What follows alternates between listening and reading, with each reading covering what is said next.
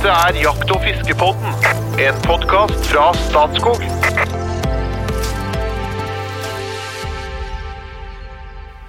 Hjertelig velkommen til en ny sending. I dag skal vi inn på veldig veldig spennende tema som utrolig mange eh, naturelskere og ikke minst jegere eh, ønsker å høre litt mer om. Vi har fått inn lytterspørsmål, bl.a. knytta til spredning av haglene i ei hagleskur. Det er en del som lurer på mørning i vakuumpakking. Vak altså vakuumpakka kjøtt. Hvordan mørnes det, og hva er det som kanskje stopper mørninga? Og til slutt så har jeg skrevet et stikkord for å forvirre mine makkere. Der står det en kryssdominant jeger. Og det er ikke forklart noe mer enn det. De makkerne som jeg nå snakker om, er jo annet i stearinlystent studio en bloddryppende jegerkonge fra Solør, som har jakta mer enn sin egen landsdel. Han er elgjeger, hjortejeger, rådyrjeger, skogsfugljeger, rypejeger, beverjeger, Kråkerev, Krå- due Ja, takk. Det stoppa seg litt ved meg. Men eh, jeg føler at eh, når vi snakker om jakt året rundt, da kommer du virkelig til den heten. Jakt året rundt og verden rundt. Vi snakker om eh, dieselkongen eh, Jo Inge Bresjeberget, som også er fagsjef i Statskog. Hjertelig velkommen. Ja, tusen takk. Bare hyggelig. Og ikke nok med det, vet du. Vi har jo en kunstnersjel av de sjeldne i studio. Han serverer limericker. En sjelden gang så har han et nødrim inni dem, men da blir de framført med en sånn eleganse at du merker ikke at det er et nødrim inni her engang. En halvforberedt eh, kunstnersjel som eh, svinser nedover eh, livets landevei med bluesgitar og fiskestang, og etter hvert absolutt hagle, og til og med rifle når han er på hjortejakt på Vestlandet. Det er, ja, riktig, podkastens kunstnersjel og informasjonssjefen i Norges Jegerfisk, Espen Farstad. Takk, takk. Espen Michael Farstad. Ja. Lenge siden vi har gått inn på din engelske herkomst. Ja. Det, Vi skal jo inn for sideligger, har kanskje en annen spredning enn en eh, over og under. Vi får se. Umulig. Kan de ha. Ja. Eh, lytterspørsmål, ja. Dette er jo innmari artig. For at eh, jeg får inn kjempemange spørsmål. Og så gir jeg dere eh, ett stikkord. Bare så dere vet sånn tittelen på episoden. Resten vet dere ikke. Så nå skal dere få høre hva Eirik Schjong har spilt inn til Jakt- og fiskevåden. Eh, hei og takk for en interessant og fantastisk god underholdende podkast. Har akkurat bestått jegerprøven og har brukt jakt- og fiskebåten som en del av opplæringen. Og har nesten hørt gjennom alle episodene så langt. Det er bra. Tommel opp. Ja, tommel opp. Men så over til spørsmålet i episode nummer 126 om hundedressur, Ikea, tur og sjokkvalg.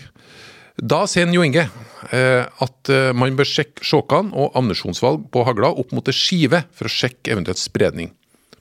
Spørsmål nummer én. Eh, hvor gjør man det? Altså, han har litt vanskelig for å se at han kan ta med seg hagla på riflebanen. Eh, han bor sånn til at det er ikke bare å det er ikke bare å gå utfor huset, da. Det er jo enkelte som bor litt annerledes, Jo ikke? Men eh, sånn som en eh, Espen, han kan jo ikke bare gå ut i hagene i Asker liksom, og brenne av hagla. Det hadde gått dårlig. Ja. Ja. Så hvordan, eh, hvordan skal folk, eh, folk flest eh, finne ut av dette? Og hvorfor er det viktig å finne ut av det? Ja.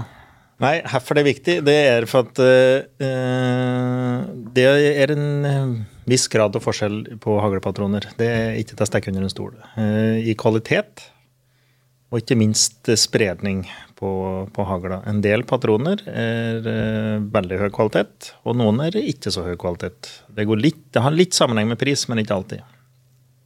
Og det du kan oppleve da, med, med en del haglepatroner, er at de setter det ved seg en ujevn sverm. At du får klumper. At hagla ikke sprer seg jevnt utover, men at du får klumper og får hæl i svermen, rett og slett. Det kan lukte at det du enten bommer, i verste fall, på rype f.eks., eller due, eller at det du skadeskuter òg, sjøl om du har en, et bra treff. Du får veldig ujevn sverm. Noen setter dem tett, og andre åpent. Det er ikke, ikke helt uvanlig at du setter den litt for tett heller. Det er heller ikke ønskelig. For å finne ut av det, så må du rett og slett testskute den ammunisjonen med den sjåken du bruker. Jeg liker da ikke å drive og fekle for mye med disse sjåka og bitte de i tid og utide. Men da prøver jeg da med den sjåken jeg bruker, stort sett. Eller at jeg ikke har ei hagle uten sjåker. Og da, når du da har kjøpt noen patroner, da, så vil jeg da prøve de, da. I gamle dager da skjøt du på ei plate som vi kelker, og så skjøt du, så du sverm på en, så kelker vi plata på nytt. Men du kan gjøre det på gråpapir, f.eks. Eller ei pappskive eller en gammel pappeske.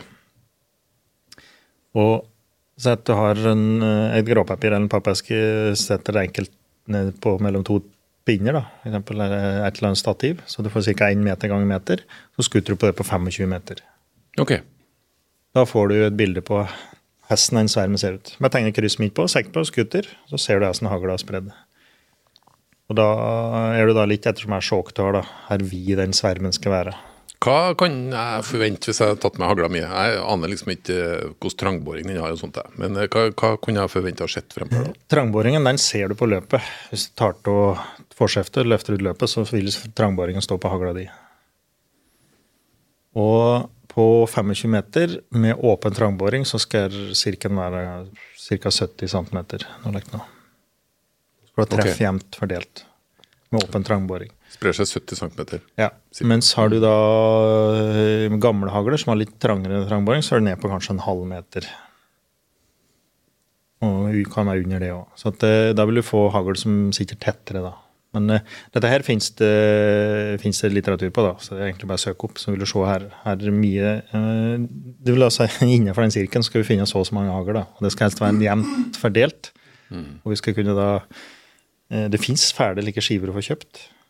Da enten en hære eller rype. Så skuter de på de på, når ammunisjonstestere skuter, så skuter de på de, så teller de antall hagl innenfor en sirkel på altså et vitalt treffområde på den rypa eller den hæren. Da. da skal du ha minst ja, så og så mange hagl. Men hvilke eh, variabler snakker vi om? Vi snakker om eh, altså, selve hagla. Selve løpet. Kan det ha noe ved seg som gjør at det blir hull i skura? Ja, det kan det. Og det her er, eh, det her er uh, ingen eksakt vitenskap. Og Jeg kjenner jo noen som tester ammunisjon fra jaktbladet. Og da er det refler og hagler. De er, eh, det er individer. Hver enkelt oppfører seg ulikt. Og spesielt med refler. Du kan ta to like refler, sette de i benken, og så skutt med samme ammunisjon fra samme pakka, så vil de sette skuddet annerledes. Ja. En vil ha bedre presisjon enn andre, f.eks. Dette er ikke mulig å finne en fasit på. Det vil variere med temperatur og vær og vind. Om det er bløtt eller tært eller øh, og alt det der. Det vil kunne variere. Kaldt, ikke minst. Haglpatroner vil gå dårligere i kaldt vær, f.eks. Så dette her er ingen eksakt vitenskap, altså. Men, men det er greit å ha prøvd dem. Veldig mange bare putter i hagla, så har jeg egentlig ikke noe forhold til det. Og så er det ikke sikkert den ammunisjonen går i hagla di. Og det er jo litt dumt, da. Det har vi faktisk vært inn på en Ja, det, det gikk jo i hagla til Nespen, men det var jo ikke så bra. Nei, ja, det kan òg være at du rett og slett bruker feil ammunisjon. Feil ammunisjon. Ja. Ja. Ja, det er godt å ha noe å skyte på, sier jeg bare. når du skyter dårlig. Men du, jeg, jeg, litt sånn, jeg, jeg hører på deg, Wingo. Det er jo ikke noe feil i det du sier, selvfølgelig. Det er jo Alt er riktig. Men, men det du egentlig sier, er at det er liksom så mange faktorer som spiller inn her. Ikke sant? Det er veldig mange. Eh, jeg tenker at de aller, aller fleste, de, de gjør jo aldri dette. De fle aller fleste tester ikke hagler, hvordan ulike haglepatroner går i hagla. Eh, og det er litt dumt, for det, det, det er jo forskjell. Eh, jeg veit at en god del skytebaner har mulighet for eh, hvor de har hengt opp en sånn der eh, gråpapirrull, bare. Mm. Så bare drar du ned et flak, og så fyrer du av et skudd, og så ser du. Og du kan jo tegne opp sirkler og måle centimeter og alt dette er som du snakker om, men det viktigste er jo liksom at du skyter og får en følelse av hvordan ser egentlig haglesvermen ut. Ja, det er det- det er vi det du snakker om? Ja, ja. Det er det du trenger. Uh, og så prøv, prøv en tre-fire forskjellige patrontyper. Se om det er noe forskjell. Det er jo ikke sikkert det er det, men hvis det er det, så lærer du litt av det. Og så er det litt at du, du får et slags visuelt bilde av hvordan spredningen faktisk når viltet da, som du skyter på. For det, dette ser du jo ikke. Nei. Ikke jeg, Og det er ganske nyttig. bare Ja. akkurat det der. Å teste, og så, og så ser du med en gang hvordan det går. Du bør ikke nødvendigvis telle og hagle og gå vitenskapelig til verks, men da ser du med en gang om at det her fungerer eller ikke. Og i dag så er de fleste patroner i dag er i veldig høy kvalitet. Men det har det ikke vært, altså. Men jeg syns synes det var interessant. Jeg trodde faktisk at spredninga var litt større på 25 meter Ja. enn sånn 50-70 cm. Så ja. Vi snakker jo ofte at skuret er sånn, liksom. Ja, ja. Ikke sant? Men, men du vil jo ha hagl på utsiden òg, da. Men det er på en måte, svermen din er der. Det er mulig fordi at jeg treffer jo ofte. Da. At, eh, Det kan jo være det. Ja. Jeg hadde en kamerat som begynte å jakte sammen med oss. Og som gikk, og som, Han gikk og gikk i skauen, og han skøyt, og han fikk jo aldri fugl. Og han sleit mye med dette. Og så plutselig en dag så hadde han skutt ei røy. Og den var jo skutt i fillebiter, for å si det rett ut. Så begynte vi å lure litt på den der, den der hagla di, Per. Hva er, hva er dette for noe? Jo, nei, det var en gammel spansk uh, sideligger som han hadde fått uh, arva, eller hvordan det var. Så sier jeg vet du hva, nå må vi bare prøve. Da sto vi jo bare ute i skauen. Så da sa jeg vet du, bare fyr på den trestammen der, så jeg får se, liksom. 25 meter, den haglesvennen var sånn, vet du. okay. Det må ha vært en eller annen eh, langskutt båse... Super trangboring. Ja. Supertrangboring, vet du. Dette hadde jo han gått og jakta med. Han var jo sjanseløs, ikke sant? Ja. Ja. Og på skogshul tidlig i jakta, det er jo helt meningsløst. ja, det er meningsløst. Men du, over og under, da. Altså, eh, ikke, det er sikkert ulik trangboring på en sideligger. Altså, det er sikkert akkurat samme greia. Men uh, hvor stor er forskjellen mellom de to løpene? Jeg har ikke gjort noe med hagla mi, så jeg har bare kjøpt den, og så har jeg brukt den. Ja. Hva er liksom forskjellen på de to Nei, løpene, da? jeg tipper da du har det vi kaller kvart i det ene og trekvart i det andre. Nå, ja, det noe slikt nå, vil Ja. jeg tippe. Og i gamle dager så kunne det være halv og full. Da var det ofte litt mer. Men okay. i den hagla du har, så tipper det kvart eller noe rundt der, og så trekvart til den andre. Da har du da litt mer trangboring på andre skuddet. Hvor mye, hvor mye utgjør det? der? La oss, si- la oss si at vi holder oss i disse 50 meter, nei, 25 meterne Ja. som du skyter. Så skyter du første skuddet, og så andre skuddet. Du har kvart og trekvart. Ja, så vil du si, Da vil det kanskje være forskjellen mellom å ha en spredning på 70 cm på 25 og ned til 25, nei, 50. Ja, ok. Så den er litt, sånn, litt Ja. mer konsentrert. Ja. Men så over til det jeg kanskje han egentlig spør om. Mm.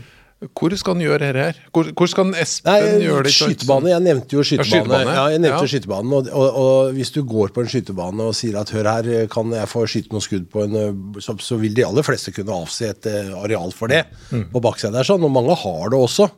Gjort klart. Eh, Jeg, jeg vet jo det, På min haglbane så har de ei stålskive som de kalker, som sagt. Sånn mm. en type ja. måling, nærmest. Kan man ikke bare gå ut i skogen, da? Jo, men da må det jo altså Det å gå ut og skyte i skogen, hytt og pinne altså det, På jaktterrenget sitt så kan han gjøre det. Så, så når han skal ut og jakte, så kan han selvfølgelig gjøre dette som en eh, Det Du må ha tar jo en halvtime tillatelse. før da. Du kan jo gjøre det ute i skogen hvis du har tillatelse, men da må du ha tillatelse til å grunneie. da. Mhm. sånn sant, Hvis han ikke grunneier sjøl. Det antar jeg at han ikke er ute for slik han spør. Mhm. Så er det sperra av grunneieren. Men gjør det på ei haglebane, f.eks., vil det være helt uproblematisk. Enten før eller etter trening, eller Mhm. Bare om vi kan bare sk- prøveskute der. Det, jeg har ikke opplevd noen som har sagt nei til det. Men her er forskjellen på meg og Inger. ikke? Han kan jo gjøre dette i hagen. Kan Vi har jo faktisk sett det, vi. Espen. Ja, vi har det. Og jeg, og jeg kan ikke gå ut i skauen i Asker og skyte. ikke sant? Det går ikke sånn uten videre. Da må vi Men- Det kreves litt mer. Du hadde med sønnen din en gang, for å dra litt lenger, da. Du hadde med sønnen din ut, og så visste hun eh, liksom effekten av ei hagle? Bare sånn at Ja, det skulle gå det, var, det gjorde jeg for, for Bendik. da Han var veldig ivrig. Han hadde hengt i hæla på meg i flere år og gleda seg til den dagen han fylte 14, hvor han også kunne være med å jakte ikke sant? og skulle gå med egen hagle. Og så sa jeg til Bendik at eh, men før vi gjør det, så gå ned i bekken der. Vi har en sånn bekk som renner forbi eh, stua på, på jaktterrenget. Og så skyter du ned i kulpen der. Hæ? sier Bendik. Jeg husker han sa hæ, Hva, hvorfor det? liksom? Så sier jeg ja, nei, men gjør det, da. Så jeg bare skyter et skudd ned der sånn. Og så gjorde han det. Og du vet, den, den der lille kulpen i bekken, den var tom for vann. vet du. Det, det, eksploderer jo, ikke sant? Og, og han, han sier å, fy fader. Ikke sant? Og da, da skjønner du krafta i dette her. Og det er litt greit at han har det når vi skal gå sammen ut i skauen, at han Ja. skjønner hva han går med i henda. For det er ja. Men det var effekten, ikke spredningen, altså. Ja, ja, jeg skjønner. Men du får med, du, er egentlig, men eh, du får med litt det òg, som dere snakker om, det visuelle på, Ja. på avstand. Sånn, det er ja, godt å ha med seg, egentlig. Og, det. det, og, ja, og jeg vil anbefale å velge kvalitetsammunisjon, og det får du kjøpt i dag i mest anerkjente merker. Så, og jeg har en til dem som jeg har brukt mye. Jeg har prøvd den på, som rådyrammunisjon, og fungerer ikke. Litt eh, grove hagl. Fungerer ikke mye hagle. Så jeg er valgt å bytte bort de, da. I gamle dager så skjøt du med når vi var unge og fattige, så skjøt vi med det billigste som var. Det var som russisk Baikal-ammunisjon, og det var noe østeuropeisk Nike, og jeg husker ikke alt det her vi og skjøt med. Det var ganske tvilsomme greier, altså. Jeg skjøt på ender i Merten, du så liksom Det hang jo bare fire skur til, løpet. Og? Det var nesten svart-krutt, vet du. Det var veldig mye tvilsomme greier. Men det er det ikke i dag, altså. Nå er det faktisk en egen vitenskap der med krutt. Da. Jeg har skrevet en liten eh, li limerick om spredningsfare. Ja, det vet du. Ja, men, men jeg traff vel ikke helt på, på temaet der. Men, Nei, men det, eh, vi det, kan vi ta jeg- det likevel, det, tenker det bekrefter at uh, At det, er, at det er ikke lett å få lytterspørsmål og lage limerick på, på bare stikkord. Nei. Ja, den, Jeg har kalt den spredningsfare, da, for det var jo liksom spredning som var, det var temaet her. Eh, En god gammel skogsfugljeger fra Mo blir våt på sokkene hver gang han går på do. Vi snakker om alderspreget trangboring som sprinkler ned både gulv og doring. Løsningen blir å bruke vanntette sko.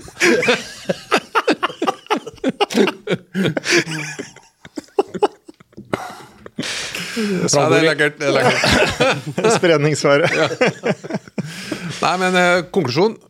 Skytebane, der er det, of, det er Dem som er på skytebane her, gjerne fra NJFF, de er jo de ivrigste, hjelp, mest hjelpsomme folkene i hele verden. Og ønsker å brenne for aktiviteten sin. De kommer til å legge til rette. Det andre, du kan gjøre det når du er på jakt, for da, da har du egentlig grunngivers tillatelse. Og det tredje er hvis du kjenner en nabo som har grunn. Ja. Da kan du sannsynligvis rigge deg til. Så det, det er kanskje de tre Skulle egentlig ønske det at det var mer altså på skytebanene at det var rigga til litt sånn permanent at man kunne gå og sjekke spredning på patroner.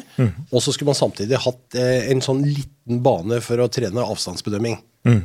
Ikke sant? For at, da kan du trene praktisk skyting på, på trap-banen, ikke sant? eller sporting, eller hva de måtte ha der. Og så kunne du trene litt på avstandsbedømming, og så var du sikker på at hagla gikk riktig i, i, i, i hagla di. Altså, da er du godt skodd.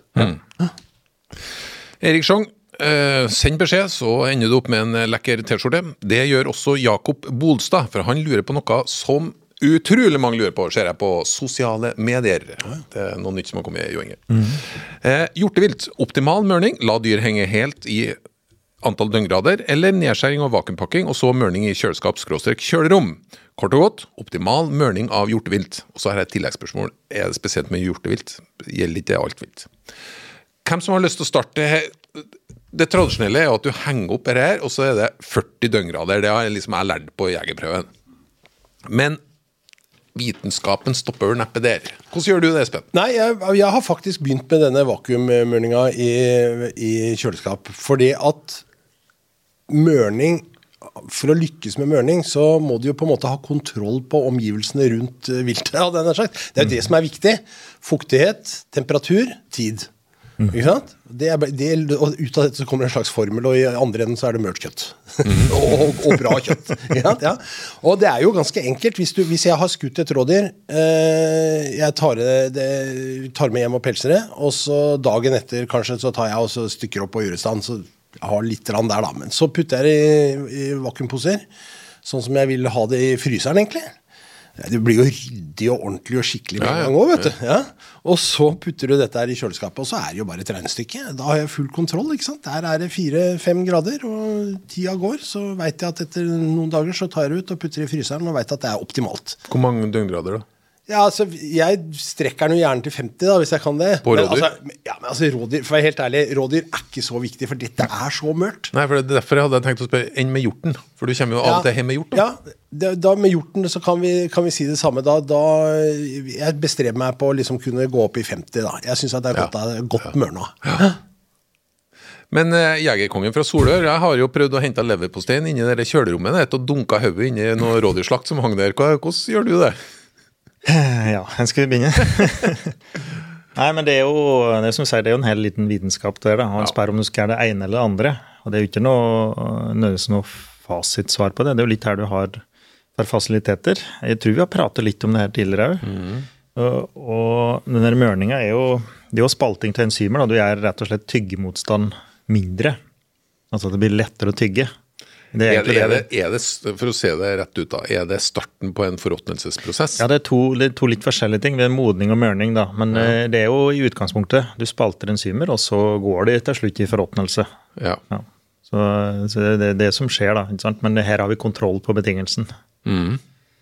Og du har jo noe som heter eh, Som de kjører på dere veldig eksklusive biffer. Da kjører de det de kaller tærmodning. De har egne like, modningsskap. Like kobebiffer og lekk. Og det, da blir det mo, Du får jo mugg på utsiden, og så mørner det inni, da. Ja. Og blir helt ekstremt mørkt kjøtt. Og det, det er en modningsprosess. Men vi, vi tar ikke det nå. og det Vi har pratet om det tidligere. Da. Men det jeg gjør, er at jeg henger stort sett opp uh, rådyr og, Og elg hele, jeg liker det. Og så la dem da kjøle ned, og ikke for tidlig. Og her er det da fryktelig viktig at du er rein. Sant? Vi har pratet om det, hygiene. At du er rein på fingre og rein på kniver. Ikke ha mekkete kniver og begynner å skjære i det her. Alt skal være rent. For ellers så begynner det med bakterievekst Ja. med en gang. Og minst mulig skjæring i det her før enn det det har eh, stivnet. Og før du skal begynne å skjære det opp. For Kommer du det med en mekkete kniv, så sprer du bakterier, da. Og så har du egentlig startet. Og, det her går, det her går overraskende bra. Nettopp for at vi har Viltet er jo rent og sterilt og friskt og i orden i utgangspunktet. Og det går såpass kort tid fra vi skjærer til det vi fryser ned, da. Men, men du kan klare å ødelegge det. Og du kan få skjemt kjøtt med, med å spre bakterier. Eh, en av de verste er når du sager en skrett, f.eks. elg. Det ofte, og elg har gjort det, og det er ofte at du deler den midt etter ryggen. Det sagsporet som er da, det er ekstremt altså, grobunn for eh, bakterier. da. Så det skal jo Du venter med saging til til det er tært, og til vi skal begynne å dele det. Ja. Ja. Så det er når jeg henger opp en varm elgskrett, er at vi skjærer den opp i nakken. Det er to, eller stor sene i nakken som vi skjærer inntil. og Lager et snitt der, så du får lufting i nakken. Spesielt på store dyr er det ganske viktig. Det er en veldig kjøttrik del, okse f.eks., veldig kjøttrik del i nakken. For lufting der, den kan bli sur inni der. At du får ikke ned temperaturen kjapt nok. Og så tar jeg akkurat bare brystbeinet og åpner opp der, så får lufting. Og samme med bogen. Du bare åpner bogen så du får lufting der, og så tar jeg vekk det verste blodet når den er fersk. Og så lar jeg den henge til den blir avkjølet. Og du venter med å ta av eh, pelsen til den er avkjørt, eller som på, regel? små, på små dyr så er jo det hvis det er, eh, hvis det er kaldt i været, f.eks., så vel. Så er det jo veldig enkelt å ta til det når det er varmt.